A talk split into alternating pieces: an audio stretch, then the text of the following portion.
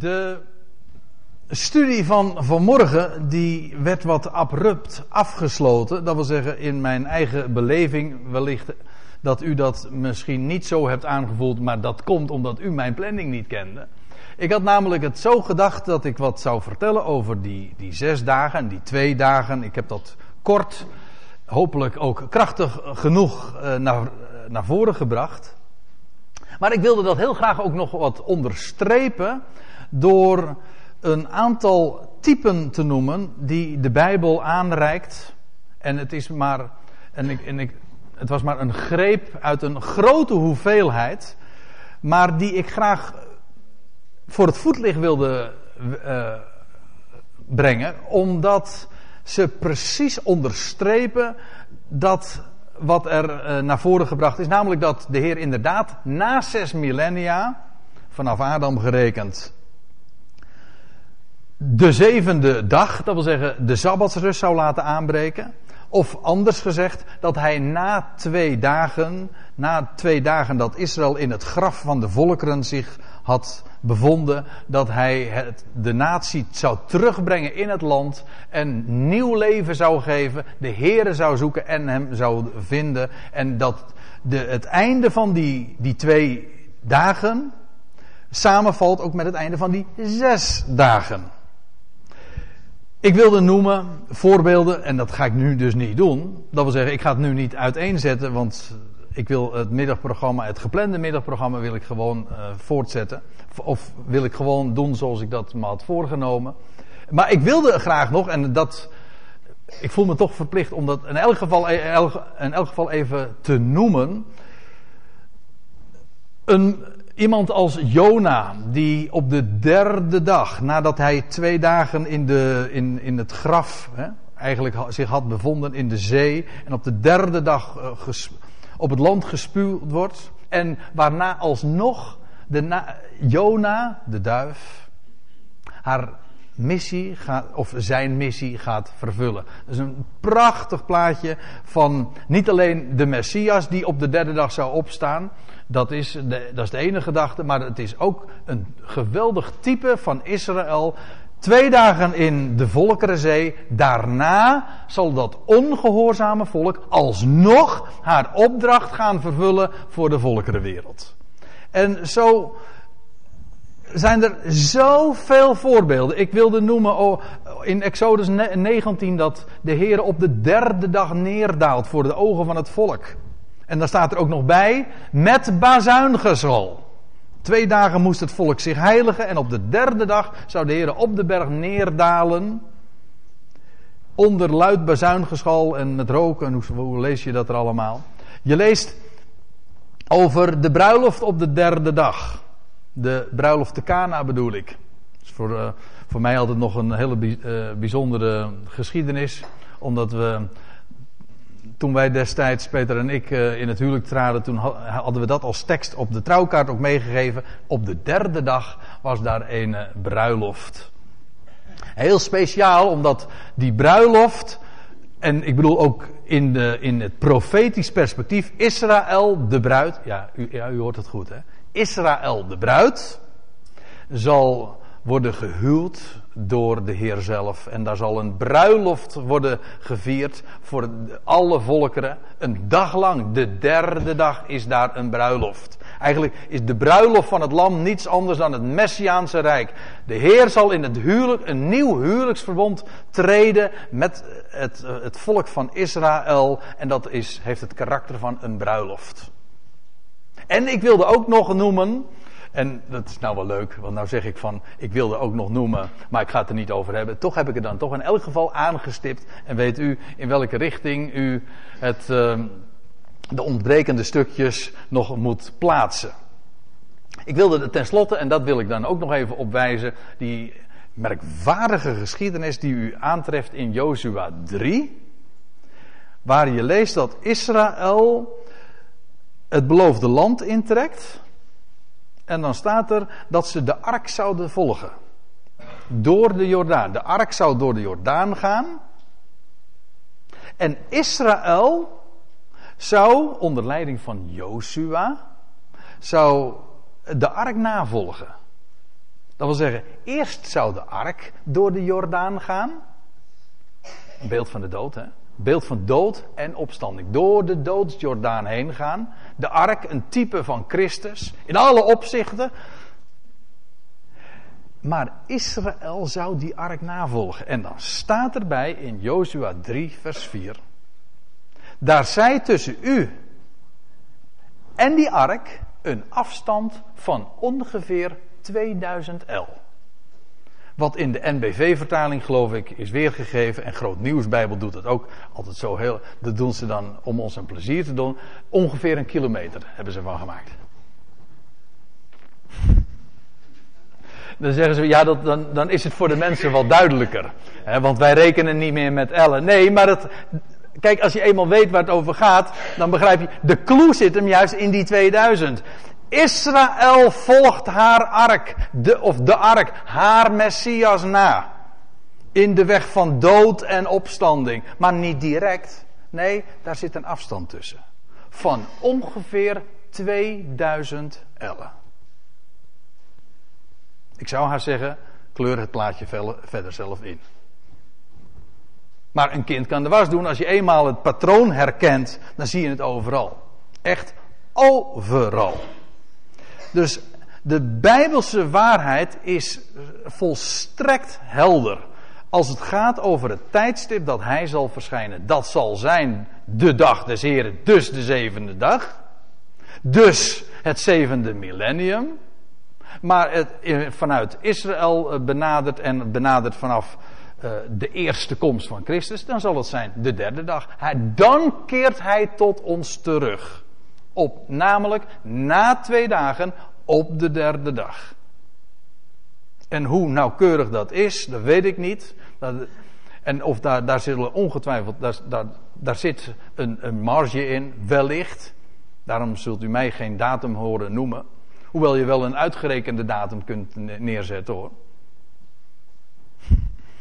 Ja, maar kan ik wel, dat kan ik wel doen. Ja, ik bedoel, het is helemaal niet zo moeilijk om 2000 jaar eh, te rekenen vanaf het moment dat hij de aarde verliet. Toen hij opstond, het jaar dat hij opstond en, en uh, ten hemel voer. Terugkeerde naar zijn plaats. Dat was rond het jaar 30 van onze jaartelling. Ja, waar kom je uit als je ongeveer 2000 jaar verder gaat? En dan staat erbij, daar zij tussen u en de ark tussen Israël en die ark een afstand van ongeveer 2000 ellen. En dat kan niet missen, dat is een aanwijzing, een tijdrekenkundige aanwijzing van wanneer wij hem hebben te verwachten. Nou, daar wilde ik het vanmorgen dus, uh, dat wilde ik nog graag zeggen. Heb ik nu dan toch nog gedaan in uh, pakweg 10 minuten. ja, Adriaan was geen held in klok kijken, zei hij vanmorgen, maar ik ook al niet. Ja. Maar gaan, nu gaan we het dan alsnog over dat uh, thema hebben wat ik uh, gepland had. En dat, ik neem u mee naar 1 Thessalonica 5. Maar ik moet nog even de laatste versen van 1 Thessalonica 4 meenemen. Want waar, waar gaat dat over? Paulus spreekt in deze brief dat is eigenlijk het hoofdonderwerp. Over de, de wegrukking. meestal wordt het genoemd de opname, maar eigenlijk is het woord wat hier gebruikt wordt de wegvoering. De eigenlijk is het, is een hele, is een, een hele krachtdadige term. In Nederlands noemen we het, noemen we het opname, maar de, in de Engelstalige wereld hebben ze het over de rapture. En dat is, dat is inderdaad een wegrukking. Heeft zelfs nog iets te, verwantschap met het woord to rape. Verkrachten. Geweld. Geweld met, met geweld iets wegrukken. Nou, dat is de, de gedachte achter die, die, dit, het woord wat Paulus gebruikt en ook elders. Hij spreekt erover, en ik ga nou midden in het, uh, val ik in in het passage. Het gaat me namelijk niet om die wegrukking aan zich, maar over de context waarin dat plaats zal vinden. Dan wordt er gezegd, daarna zullen wij levenden, die achterbleven, samen met hen niet op de, maar letterlijk in wolken in een oogwenk weggevoerd, of letterlijk weggerukt worden, de Heer tegemoet. in de lucht. En zo zullen wij altijd met de Heere, wezen. Dat wil zeggen, zijn positie, zijn plaats delen. Dat is een geweldige verwachting. En Paulus uh, eindigt dan dit gedeelte met de woorden vermaand. Maar u begrijpt eigenlijk, eigenlijk op voorhand al dat dat niet de gedachte kan zijn. Vermaand elkaar dus met deze woorden. Als je het zo leest, dan denk je. Hoe kon Paulus dat nou schrijven? Nou, Paulus heeft dat ook niet zo geschreven. Het is hier het woordje parakaleo. En dat betekent eigenlijk letterlijk ernaast roepen. In de betekenis ook van aanmoedigen. Bij andere gelegenheid heb ik dat wel eens eh, veel uitgebreider aangetoond. De betekenis is altijd aanmoedigen, bemoedigen. En hier in deze context is dat helemaal echt zonneklaar. Niet vermaant elkaar met deze woorden, met, met zo'n verwachting, daar vermaan je elkaar toch niet mee. Daar vertroost je elkaar mee, daar moedig je elkaar mee aan. Dat is het perspectief dat wenkt. Samen met al degenen die ontslapen zijn in Hem, zullen we in één moment worden weggerukt. En degenen die op dat moment zullen leven, zullen tezamen de Heer tegemoet gaan in wolken en met Hem die positie delen. En als Hij straks dan ook zal, vervolgens zal verschijnen in heerlijkheid, dan zullen wij met Hem in heerlijkheid verschijnen. Maar dan, gaat Paulus verder in 1 Thessalonica 5. Maar die hoofdstukindeling, daar moet je niet al te veel van aantrekken, want die hebben we gewoon later voor het gemak erbij bij ingevoerd. Paulus vervolgt namelijk het onderwerp door te zeggen: Maar over de tijden en gelegenheden, broeders, is het niet nodig dat u geschreven wordt. Met, en in het vervolg zal hij ook schrijven. Jullie weten dat namelijk zeer zelf wel. Hij had namelijk al eerder daar ook over geschreven. De Thessalonikers wisten daar ook alles van. Die verwachting was bekend. Paulus was, moet u nagaan, Paulus was maar drie weken in Thessalonica geweest. In die tijd was daar een ecclesia ontstaan. Een, een, een, een geloofsgemeenschap. Mensen die amen zeiden op de boodschap. En Paulus heeft ze meteen ook onderwezen over die verwachting. En dat wisten zij. En dan lees je ook dat als Paulus hen later aanschrijft. dat zij de levende God uh, dienden en, en vereerden. En zich van de afgoden hadden afgekeerd. En er staat er in vers 10 van hoofdstuk 1. En uit de hemelen zijn zoon te verwachten. Die hij uit de doden opgewekt heeft. Jezus namelijk, die ons verlost. Letterlijk wordt hier een, woord ge, uh, gebezigd dat betekent beveiligd of behoed. Die ons in, in veiligheid brengen. Dat is het idee. Die ons in veiligheid brengt. Vanuit, ja, er staat van de komende toren, maar er staat letterlijk uit de komende toren. Ik heb eh, dit plaatje erbij gedaan. Om, waarom? Omdat het precies aangeeft waar, waar het om te doen is. Wij, wij verwachten, nee, Paulus schrijft van die Thessalonikers, zij hadden de verwachting dat hij die inderdaad momenteel ontrokken is aan het oog, daar in de hemel is, die zal straks terugkeren, inderdaad voor Israël, maar al op een eerder tijdstip, voordat de, de, het verderf en de toren zal losbarsten in deze wereld trouwens. Ik zeg erbij nu al, niet de toren van God, maar de toren van zijn tegenstander. Ik kom daar straks nog op terug. Maar voordat dat alles zal, uh, zijn beslag zal krijgen in deze, in deze wereld, zullen wij in veiligheid worden gebracht.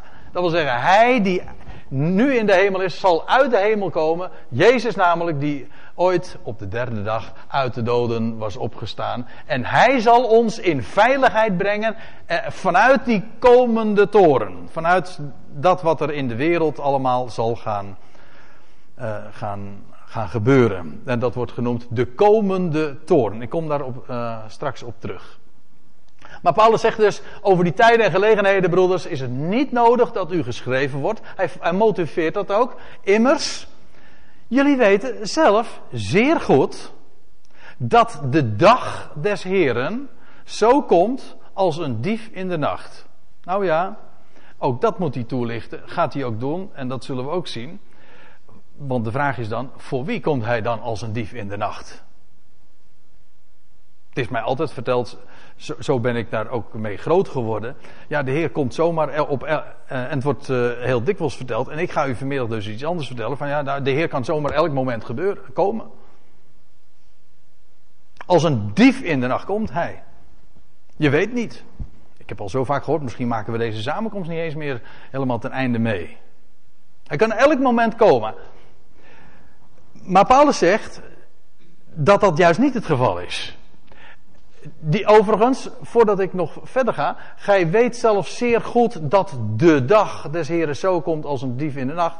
Die dag des Heren, we hebben er vanmorgen al over nagedacht in verband met het is, het is de Sabbat de dag des Heren, de zevende dag, oftewel het zevende millennium. Maar eigenlijk is het breder.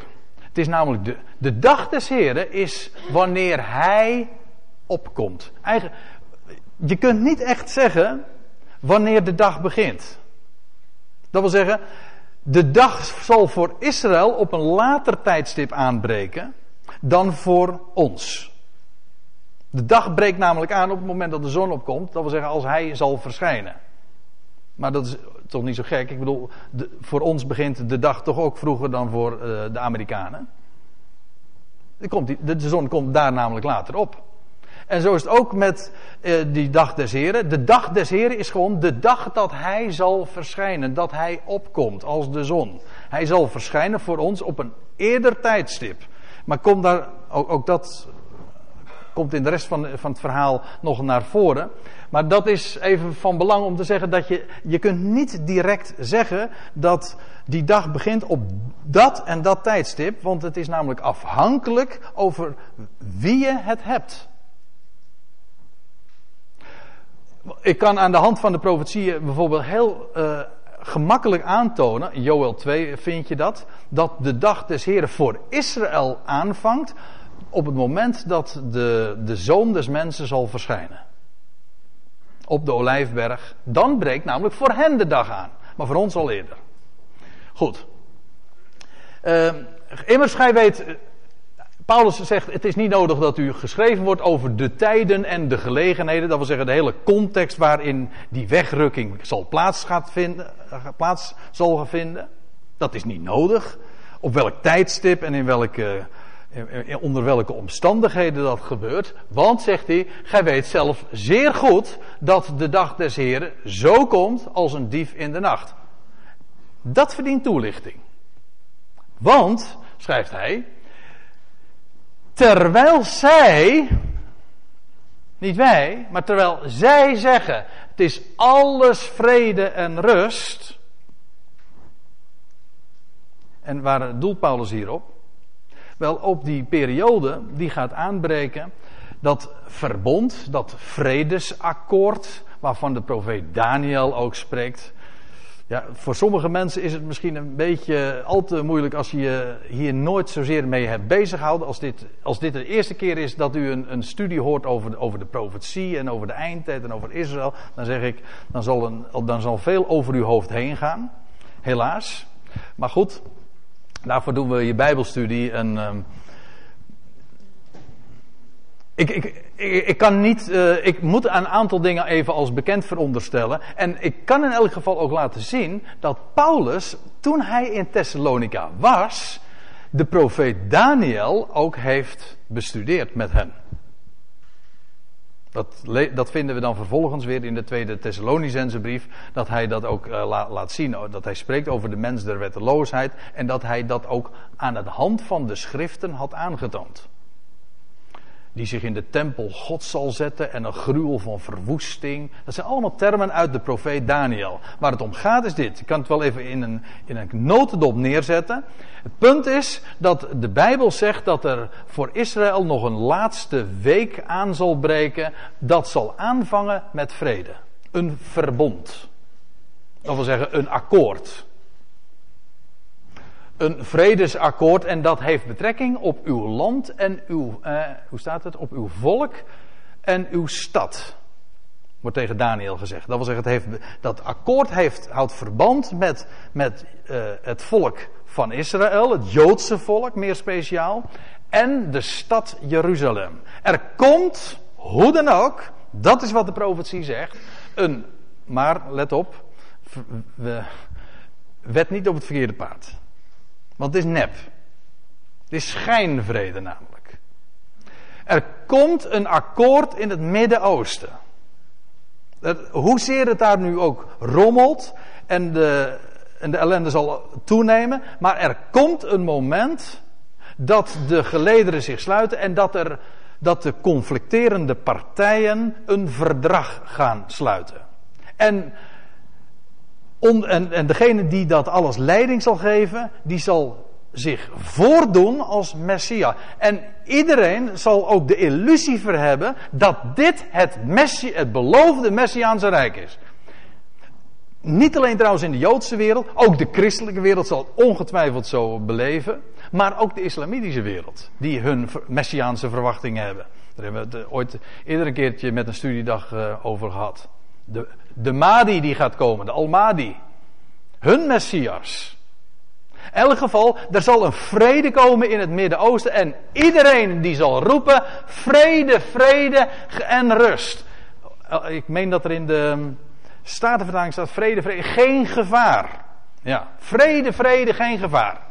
Zo'n akkoord komt er in het Midden-Oosten. Iedereen zal zich daar helemaal op verkijken. Dit is messiaans. Terwijl er zoveel oorlog is geweest. Terwijl het onmogelijk leek dat de partijen ook maar enigszins tot elkaar zouden komen. Het zal er eindelijk van komen. En iedereen zal dat zeggen. Het is alles vrede en rust en geen gevaar. Dus Messia, een Messiaanse, tussen aanhalingstekens, tijd die in het Midden-Oosten in elk geval, en het zal wellicht ook zijn, zijn uitwerking, zijn impact en zijn invloed hebben op, op de rest van de wereld. Want het Midden-Oosten blijkt altijd een centrale rol te spelen en bepalend te zijn voor het lot van de rest van de wereld. Maar daar in elk geval zal het zich zo aftekenen. Het is alles, het, ze zullen, het is alles, let op. Het is alles vrede en rust. Dat zal men zeggen. Terwijl zij zeggen, het is alles vrede en rust, overkomt hun als de weeën een, als de weeën een zwangere vrouw een plotseling verderf en ze zullen geen zins ontkomen. Dat is wat de Bijbel daarover zegt. De Bijbel zegt namelijk dat die, die, dat die vrede zich drieënhalf jaar uh, stand zal houden. Maar in de, in de helft van die jaarweek, in de helft van die zeven jaren, zal er op het tempelplein in Jeruzalem een afgodsbeeld. Dat heet de gruwel der verwoesting. Hoezo verwoest? Een gruwel is gewoon een afgodsbeeld. En verwoesting, hoezo? Wel, vanaf het moment dat dat afgodsbeeld in de tempel gezet zal worden en een hele afgodendienst uh, georganiseerd zal worden, op, ook opgelegd trouwens. En op straffen van de dood slechts kun je je daaraan onttrekken. Of je moet maken dat je wegkomt, vluchten. Ja. Maar, ja, de woestijn in. Maar in de helft van die, van die zeven jaren, dat wil zeggen na, na drieënhalf jaar van dat, van dat vredesakkoord, zal er een, eens een plotseling verderf komen. Zij zullen zeggen, allemaal, vrede, het is alles vrede en rust. Maar dan zal hun, als de weeën een zwangere vrouw, dat beeld waar ik vanmorgen mee begon, is dus helemaal niet zo misplaatst. U ziet het. De Bijbel gebruikt het heel vaak in dit verband. En het wordt nog boeiender als we er nog een schriftplaats bij betrekken. En dat is Openbaring 12. Dat hier alles mee te maken heeft. Want in Openbaring 12, en het wordt in, in symbolische taal beschreven, maar daar vind je een, een teken. Dat wil zeggen, een beeld met een betekenis. Daar wordt een, een vrouw getekend. Twaalf sterren op haar hoofd. Is gewoon een uitbeelding van Israël. Het kan niet missen. Wat ik nu dus niet allemaal ga aantonen. Maar goed. Die vrouw, die is, dat is daar Israël. En dan lees je die vrouw die baart. Die, is, die wordt bedreigd door de draak. Ook de draak, dat is de Satan, de tegenstander, de diabolos. En zij baart een mannelijke zoon, staat er. Die de heidenen zou hoeden met een ijzeren staf. Dat wil zeggen, de Messias.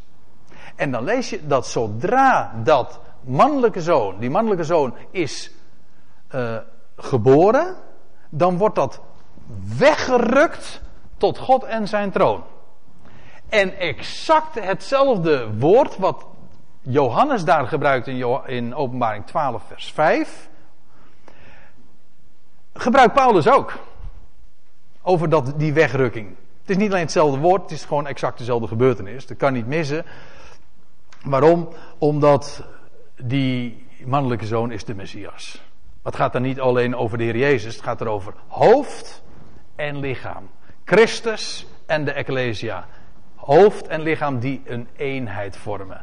Als dat compleet is, dat volk compleet is, zoals die vrouw een uitbeelding is, niet van Maria zoals de Rooms-Katholieke Kerk denkt, maar die vrouw dat is Israël, zo beeldt die mannelijke zoon ook een volk uit, maar dan hoofd en lichaam. En zoals bij een bevalling gaat, eerst is daar het hoofd en vervolgens volgt het lichaam. Wel, als de gemeente, Christus en de gemeente komen voort, heilshistorisch, uit Israël. De Messias komt voort uit Israël en wij zijn één lichaam met hem. Wel, het idee is, die mannelijke zoon wordt verwekt, of nee, niet verwekt, komt voort uit de mannelijke, uh, uit die vrouw. En zodra die bevalling daar is, heeft plaatsgevonden, wordt meteen linea recta, vanwege het dreigende gevaar, daar in openbaring 12, wordt die mannelijke zoon weggerukt tot God en zijn troon, want die mannelijke zoon is bestemd voor de heerschappij. Boven namelijk, niet hier op aarde, maar boven. Het is een, het is een prachtig plaatje. Nou ja, ook heel dramatisch moet ik zeggen. Maar het, het, het tekent in een, in een paar schetsen precies wat er gaat gebeuren, namelijk de mannelijke zoon Christus en de gemeente zal worden weggerukt tot God en zijn troon. En dan lees je vervolgens, en de, als die mannelijke zoon is weggerukt, openbaring 12, vers 5 en 6, dat die vrouw meteen gaat vluchten naar de woestijn. Waarom? Omdat ze bedreigd wordt door die draak. En daar staat er, en daar zal in de woestijn, heeft ze een plaats van God gegeven, al waar ze 1260 dagen bewaard zal worden. En gevoed staat er. Dat wil zeggen, daar wordt ze in, dat is een onderduikadres, daar wordt ze in veiligheid gebracht, daar, over, daar wordt ze op een goddelijke wijze beschermd. Het is de stad Petra, dat ga ik nu niet aantonen, het is de stad Petra in het gebied van Edom. Die ligt daar al duizend jaren een uit de rots uitgehouwen stad. En dat is de locatie waar, waar de Heer straks ook zijn Ecclesia daar in de woestijn zal bouwen. Ik bedoel de Joodse Ecclesia straks. Nadat de dat is dus in die 1260 dagen dat, het, dat er hier op aarde een groot verderf, vooral daar in het Midden-Oosten, meer speciaal Israël, een enorm groot gevaar dreigt, wordt die vrouw daar bewaard. Maar voordat die vrouw daar vlucht naar de woestijn, wordt die mannelijke zoon weggerukt tot God en zijn troon. Als Paulus over deze dingen spreekt, over die weeën, een zwangere vrouw, dan is dat profetische taal. Taal die ook elders wordt gebezigd. Omdat ze namelijk precies, eh, omdat ze betrekking heeft op de dingen die ook elders worden beschreven. Maar goed, terwijl zij zeggen, terwijl men zal zeggen, het is alles vrede en rust, overkomt hun als de weeën een zwangere vrouw een plotseling verderf en ze zullen geen zins ontkomen. Dat wil zeggen, als die vrede daar drieënhalf jaar zal gevestigd zijn in het Midden-Oosten en, en eh, wereldwijd daar een, een vrede zijn, immers het is alles vrede zal men zeggen, wel, dan ineens overkomt hen een plotseling verderf. We lezen in openbaring ook dat de, de draak, namelijk ook, ja, ik weet niet in hoeverre u dat allemaal weet, maar je, dat, ook dat vind je in onder andere openbaring 12. De draak zal namelijk op het moment dat die mannelijke zoon wordt weggerukt tot God en zijn troon, wordt de draak op aarde geworpen. Wij naar boven, de draak naar beneden. En dan ja, zo ligt het. En op dat moment zal ook de, zal, zal ook de, de toren van die draak uh, zich uh, manifest worden. En hij zal meteen ook die vrouw gaan vervolgen, et cetera. In zo'n context vindt die wegrukking plaats. Het is maar niet zo op een lichte wolkenwagen wordt de Heer vandaar. Ja, dat was zo, hè. Maar dat is niet de wegrukking. Dat is een dreigend gevaar in die context van een verdrukking die gaat aanvangen. Maar schrijft Paulus dan, als het gaat over die tijden en gelegenheden, maar gij broeders, zijt niet in de duisternis, zodat die dag u als een dief overvallen zou. Dus als iedereen zal roepen: vrede, vrede, geen gevaar, dan weten wij, nou gaat het er om. Dan is het aftellen begonnen. Die dag, over, die dag, dat wil zeggen dat de Heer zal verschijnen, dat overvalt ons niet. Wij weten dan, als eenmaal die vrede daar zal zijn in het Midden-Oosten, zoals de profeet Daniel daarover heeft gesproken, dan weten we, men zal zeggen vrede, vrede, maar dan zal na verloop van 3,5 jaar, zal, de, zal er een plotseling verderf komen, of die toren, de toren van de draak. Maar, schrijft Paulus, voor ons, uh, gij broeders, zijt niet in de duisternis, zodat die dag u als een dief zou overvallen. Dus dat hele idee van ja, de, de komst van de Heer, hij komt als een dief in de nacht voor ons, is absoluut onbijbels. Ik kan het niet anders zien. Hij zal inderdaad, hij zal voor ons komen, maar wij weten hoe laat het is. Als ik eventjes bij de titel van deze studiedag mag blijven. Wij weten hoe laat het is. Waarom? Op het moment dat iedereen zal zeggen: het is alles vrede, rust, geen gevaar. Dan, gaan, dan weten wij van: nu, nu, gaat, nu zal het niet lang meer duren. Dan is met recht het aftellen begonnen. Dat zijn die, tegen, dat zijn die tijden en gelegenheden. Dan weten wij precies wat er eh, staat te gebeuren. Dus, om het eventjes wat schematisch eh, naar voren te brengen. Eh, je krijgt die periode van alles vrede en rust. Wel, dat gaat direct vooraf aan de wegrukking. Het woord wegrukking, dat, het woord zelf duidt al op gevaar. Iets, iets ruk je weg in het uh, boek of in de brief van Judas lees je ook dat dat woord gebruikt wordt. Wegrukken uit het vuur. Als er, als er acuut gevaar dreigt, dan wordt iets weggerukt. Met grote kracht moet dat plaatsvinden. Dat woord wegrukking duidt daarop duidt op, op, op gevaar, op handen zijnde gevaar. Vandaar ook dat er staat die ons, dat hij zal straks zal komen, die ons zal beveiligen, in veiligheid zal brengen voor de komende toorn of dat plotselinge verderf of hoe dat ook maar heten mag. En na de wegrukking, dan lees je, wordt, die, wordt de draak, maar wij weten wat zijn identiteit is. In openbaring 12 wordt hij de draak genoemd, maar hij heeft diverse namen. Maar ik vind een draak vind ik eigenlijk wel een hele mooie hoor.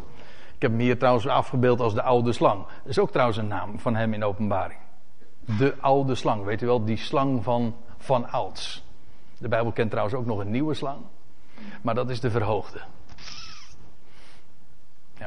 Nou, hè? De Nagash, ja. Weet u trouwens dat het woordje slang in het Hebreeuws dezelfde getalswaarde heeft als het woord Messias? Nagash. Mashiach. Hm? 358. Ja. Maar goed, um, dat even tussendoor. Uh, in ieder geval, die, uh, die, die slang. Die, die, die wordt, trouwens niet alleen, maar met al zijn personeel zal ik maar zeggen, wordt op aarde ge... Hoe zullen we dat nou eens netjes zeggen?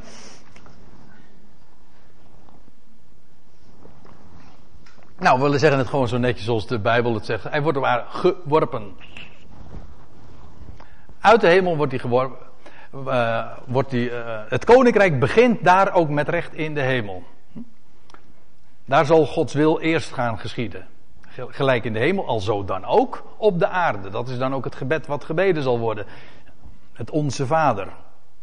Zullen de Joden bidden van uh, uw wil geschieden gelijk in de hemel, want dat Gods wil zal dan ook inderdaad geschieden in de hemel. want de Satan en alles, al, al zijn trawanten, zullen uit de hemel zijn geworpen. Uw wil geschieden gelijk in de hemel, zo ook op de aarde. Nou, dat zal niet lang meer duren dan. De actualiteit dan van het Onze Vader. Afijn, uh, na de wegrukking zal direct de toren van de draak losbarsten. En ik heb even de bonnetjes er maar bij genoemd. Ik, ik geef de citaten nu niet, maar in openbaring 12 en 13 en 17 vindt u dit allemaal zo beschreven. Goed. En dan, maar Paulus vervolgt met, want schrijft hij, gij allen, gij zijt alle kinderen van het licht en kinderen van de dag. Dat is zo geweldig. Ik bedoel, we zijn Mensen die geroepen zijn, dat is ook wat ons kenmerkt als, als ecclesia, er, eruit geroepen. We, hebben, we kennen zijn woord, we zijn verlicht door zijn woord, we zijn kinderen van het licht, kinderen van de dag en we behoren niet de nacht of de duisternis toe. Dat wil zeggen, wij weten van de tijden en de gelegenheden, we weten hoe laat het is. Die, die die dag zal ons niet overvallen als een dief in de nacht. Hoezo niet? Nou, we zijn kinderen van de dag. Voor ons is het licht. Ook al is het in de wereld donker, voor ons is het licht. Waarom? We leven bij het licht van zijn woord. Dat schijnt als een heldere lamp. Waar was het toch? 1 Peter, 2 Petrus 1. Wij hebben het profetisch woord dat zeer vast is. Dat schijnt als een lamp in een donkere plaats. Nou, met recht. En de wereld wordt donkerder, maar we hebben die lamp en we, en we leven bij het licht daarvan. Daarom, we zijn kinderen van het licht.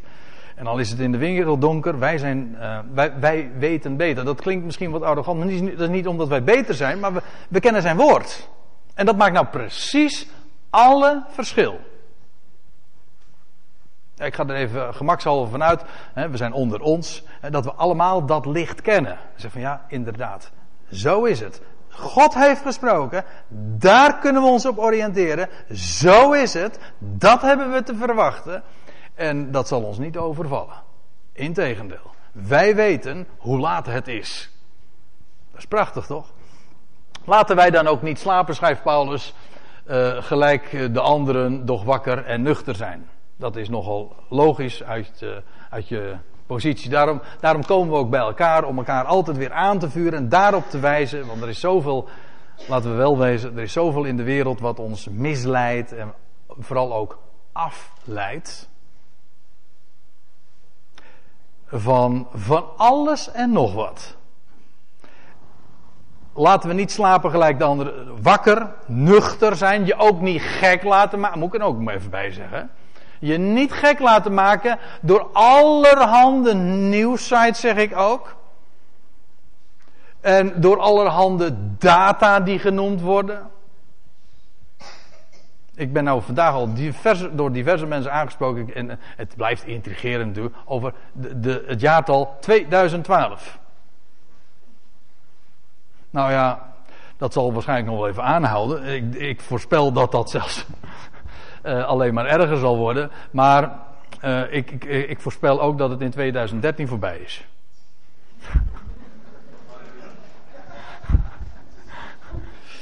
ja.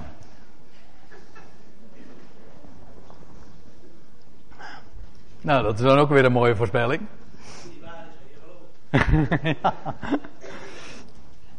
Nee, ja, dan zeggen we, ja, 2000 einde van de wereld, nou, dat is kolder natuurlijk. Maar dat geldt trouwens ook voor de, uh, die, die wegrukking. Die kan elk moment. Ik zeg dat kan niet. Want, eer, want pas als iedereen zal zeggen vrede, vrede. Pas dan gaat voor ons het aftellen beginnen. Want dan weten we van nu, gaat, nu gaan wij spoedig inderdaad uh, in veiligheid gebracht worden. Want als alle zeggen vrede, vrede, dan zal een plotseling verderf hen overkomen. En we weten trouwens ook precies hoe lang dat zal duren. Die vrede. Drieënhalf jaar namelijk. Dat zijn, dat zijn, dat zijn spannende tijden dan hoor. Dan weet, kijk, we, we, we, hebben vanmorgen ons gerealiseerd, ja, we leven aan het einde van die zes dagen, het einde van de twee dagen. Maar dan, als die vrede inderdaad in het Midden-Oosten zijn beslag zal krijgen, dan is het echte aftellen begonnen. Laten we wakker zijn en nuchter. Niet door allerhande berichten ons gek laten maken. De schriften zijn meer dan voldoende. En al het andere is gewoon dwaallicht. Want die slapen, schrijft uh, Paulus, die slapen des nachts, dat is de gang, dat is normaal. En die zich bedrinken zijn des nachts dronken. Dat wil zeggen, uh, s'nachts uh, dan ben je niet helder. Of je slaapt, of je, of je bent, ja, je bent dronken, ja. Ja, ik geef toe, er zijn uitzonderingen. En vannacht was ik er zelf een. maar dat is normaal zo, hè. Hoe, hoe, was, hoe was het ook alweer? De nacht is voor de dieven. Hè? Oh, de nacht is voor het ongedierte. Ja, ja dat, is ook, dat is ook een mooie, ja. Als we het begrip ongedierte wat ruim interpreteren, dan, eh, dan klopt dat wel. Maar schrijft Paulus, want die slapen, uh, slapen des nachts en die zich bedrinken zijn des nachts dronken. Maar laten wij, die de dag toe behoren, nuchter zijn. Dat wil zeggen, wakker, alert, weten wat er staat geschreven, weten ook wat er gewoon aan de hand is. Daar hoef je helemaal niet de krant trouwens voor uit te pluizen, daar hadden we het al eerder over. Ik, ik, denk eerlijk gezegd dat het meer dan voldoende is om, uh, om de, de koppen te snellen. Ja, ik bedoel. Uh, van de krantenkoppen, ja. Want, uh, ook, want de leugen. Het was de koningin hè, die dat zei. De leugen regeert. Wat trouwens een, uh, lijkt me niet echt een aanbeveling voor jezelf. Als je koningin bent. De leugen regeert. ja, het was de koningin die dat zei. De leugen regeert. Aangenaam kennis te maken, koningin Beatrix. Nee, wacht. Maar het is zo. Het is de boze Aion. Hoezo boos? Wel omdat de God van deze Aion, dat was deze, hè? de slang. Met die gespleten tong, weet u wel. Die zo, ook zo, die door hypnose zijn prooi maakt. Nou ja, die regeert in deze wereld. Het is misleiding, bedrog en leugen dat karakteriserend, karakteristiek is voor de wereld en de aion waar wij nu in leven. Daarom, daarom zei ik, laat, liet ik mij wat laconiek en laatdunkend uit over, over de informatiebronnen van deze wereld. Goed. Maar laten wij die de dag toebehoren, nuchter zijn, toegerust met het harnas van geloof. Dat wil zeggen, geloof in wat God gesproken heeft. Niet in wat geloof hechten aan wat die zegt of die zegt. Ook niet in Bijbelleer, ook niet een andere Piet, want het is volstrekt oninteressant. Dat meen ik zoals ik het zeg. Hoezo? dat klinkt even. Dat, enthousiast, dat is een veel te enthousiast amen.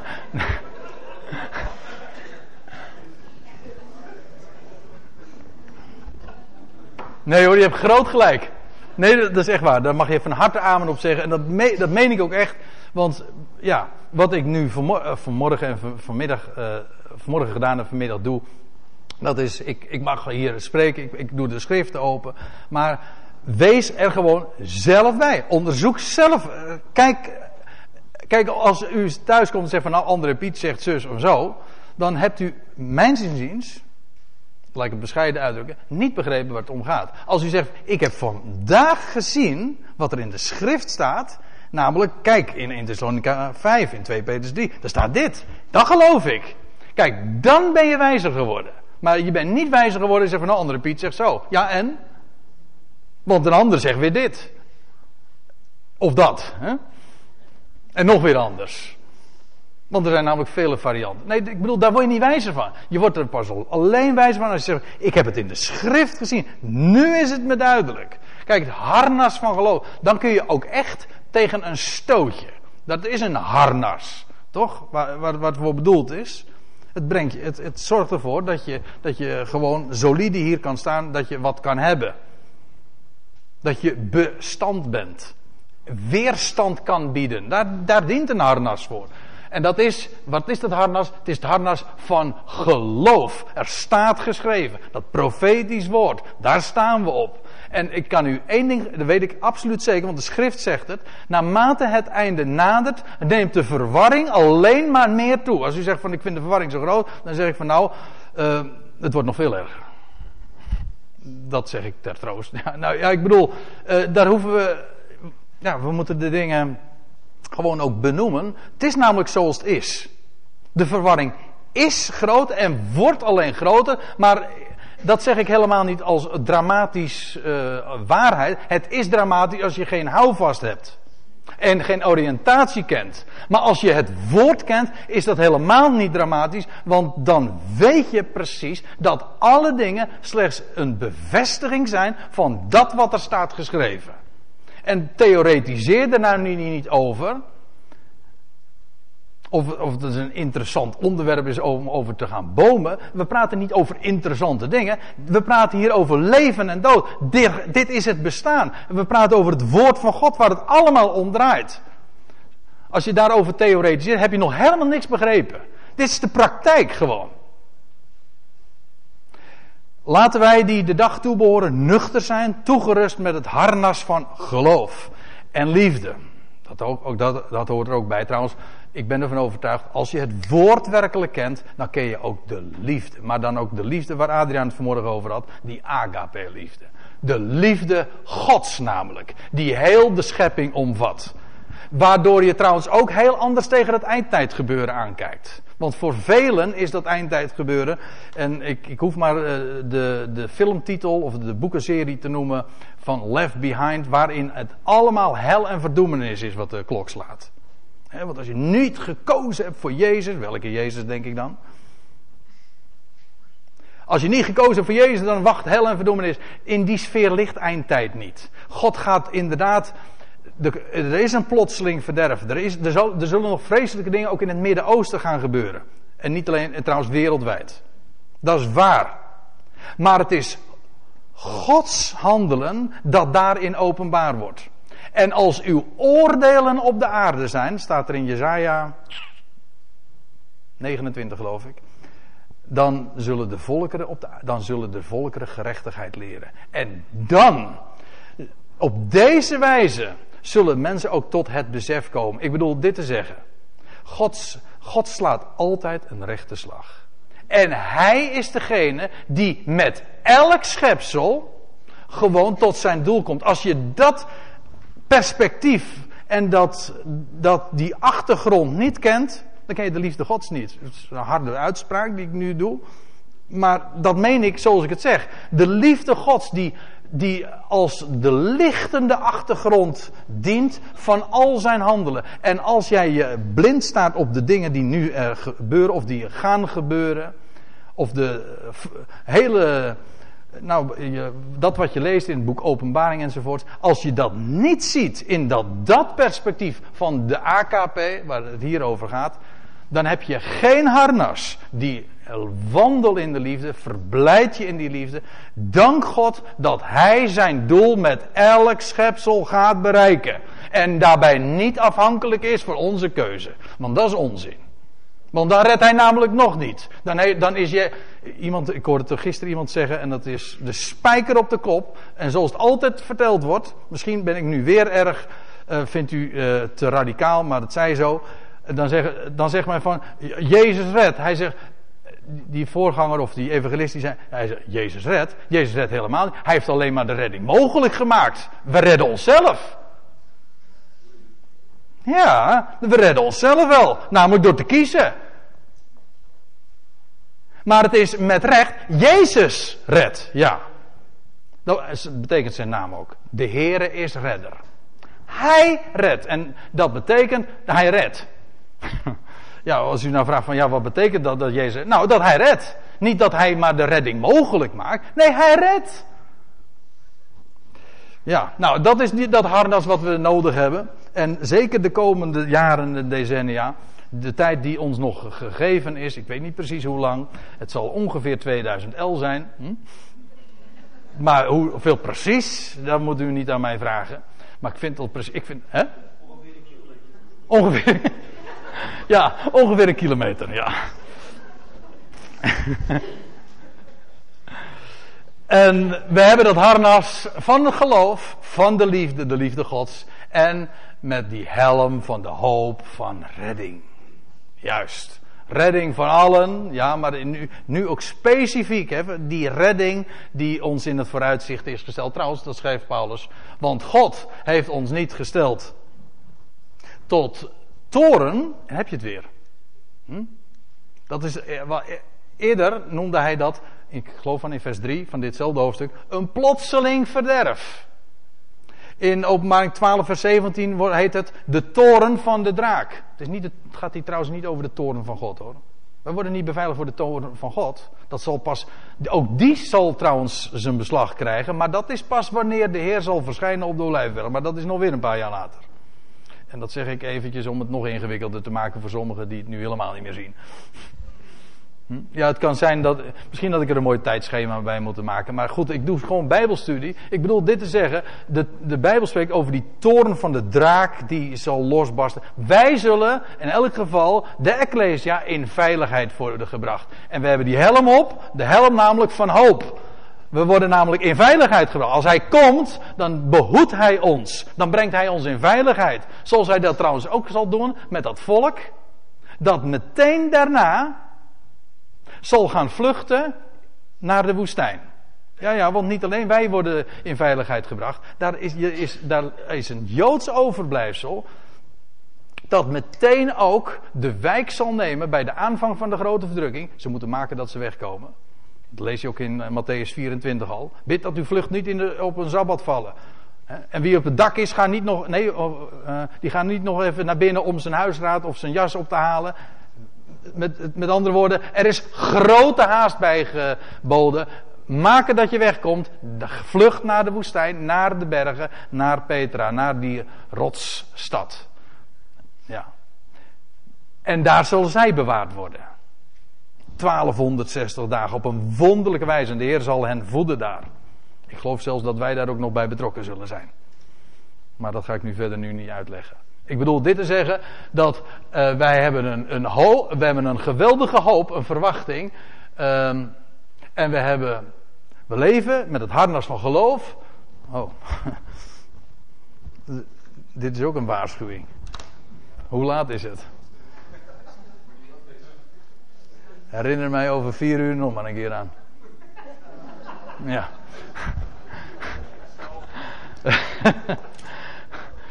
ja. Ja, nee, ik, ik, wil u wel eventjes bemoedigen hoor.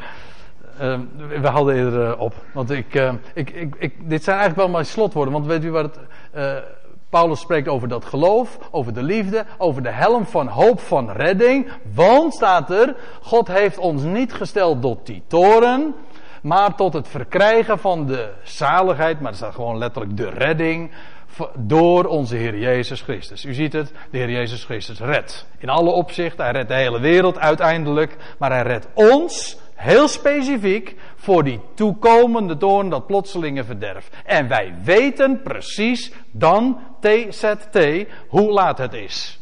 Want terwijl zij zeggen vrede, vrede, weten wij inderdaad dat de tijd zal nabij is van dat wij zullen worden weggerukt. Daarom, eh, er wordt gesproken over de Heer Jezus Christus, die voor ons gestorven is, opdat wij, het zij wij waken, het zij wij slapen. Dat, dat, ik denk dat dat hier betekent, tenzij, het zij wij al ontslapen zijn.